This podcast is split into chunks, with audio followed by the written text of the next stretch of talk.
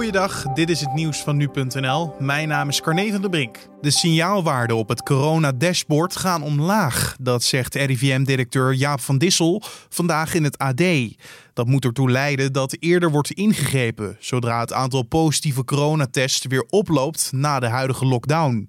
Van Dissel is het niet eens met de kritiek dat dit najaar te laat is ingegrepen. Maar hij vindt wel dat in de toekomst sneller moet worden overgegaan tot nieuwe maatregelen, zodra het aantal positieve tests stijgt. Zo zegt hij tegen de krant.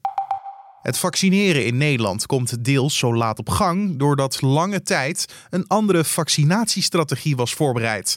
Dat zei het RIVM woensdag in gesprek met nu.nl. Toen het Pfizer-vaccin, dat minder geschikt is voor verspreiding in verpleeghuizen en bij huisartsen, plots snel klaar bleek, moest de strategie worden omgegooid. Medewerkers van het RIVM begrijpen de onrust over waarom we later dan de rest van Europa vaccineren. Maar het is volgens hen echt een enorm ingewikkelde puzzel. Zij zien het niet als een wedstrijd wie als eerste begonnen is in Europa.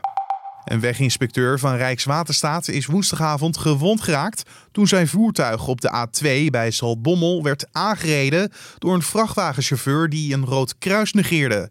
De weginspecteur beveiligde op dat moment een pechongeval. De inspecteur en een aanwezige berger zagen een vrachtwagen op zich afkomen op de afgesloten rijstrook. Om zichzelf in veiligheid te brengen sprongen ze over de vangrail waarbij de inspecteur zich verwondde.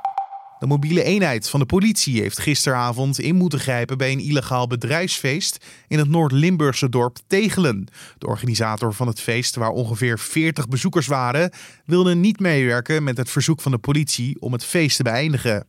Het feest werd uiteindelijk om 10 uur beëindigd, na hulp van de ME. En volgens de politie verliep de actie rustig. Vijf personen hadden geen geldig identiteitsbewijs bij zich en werden daarom aangehouden.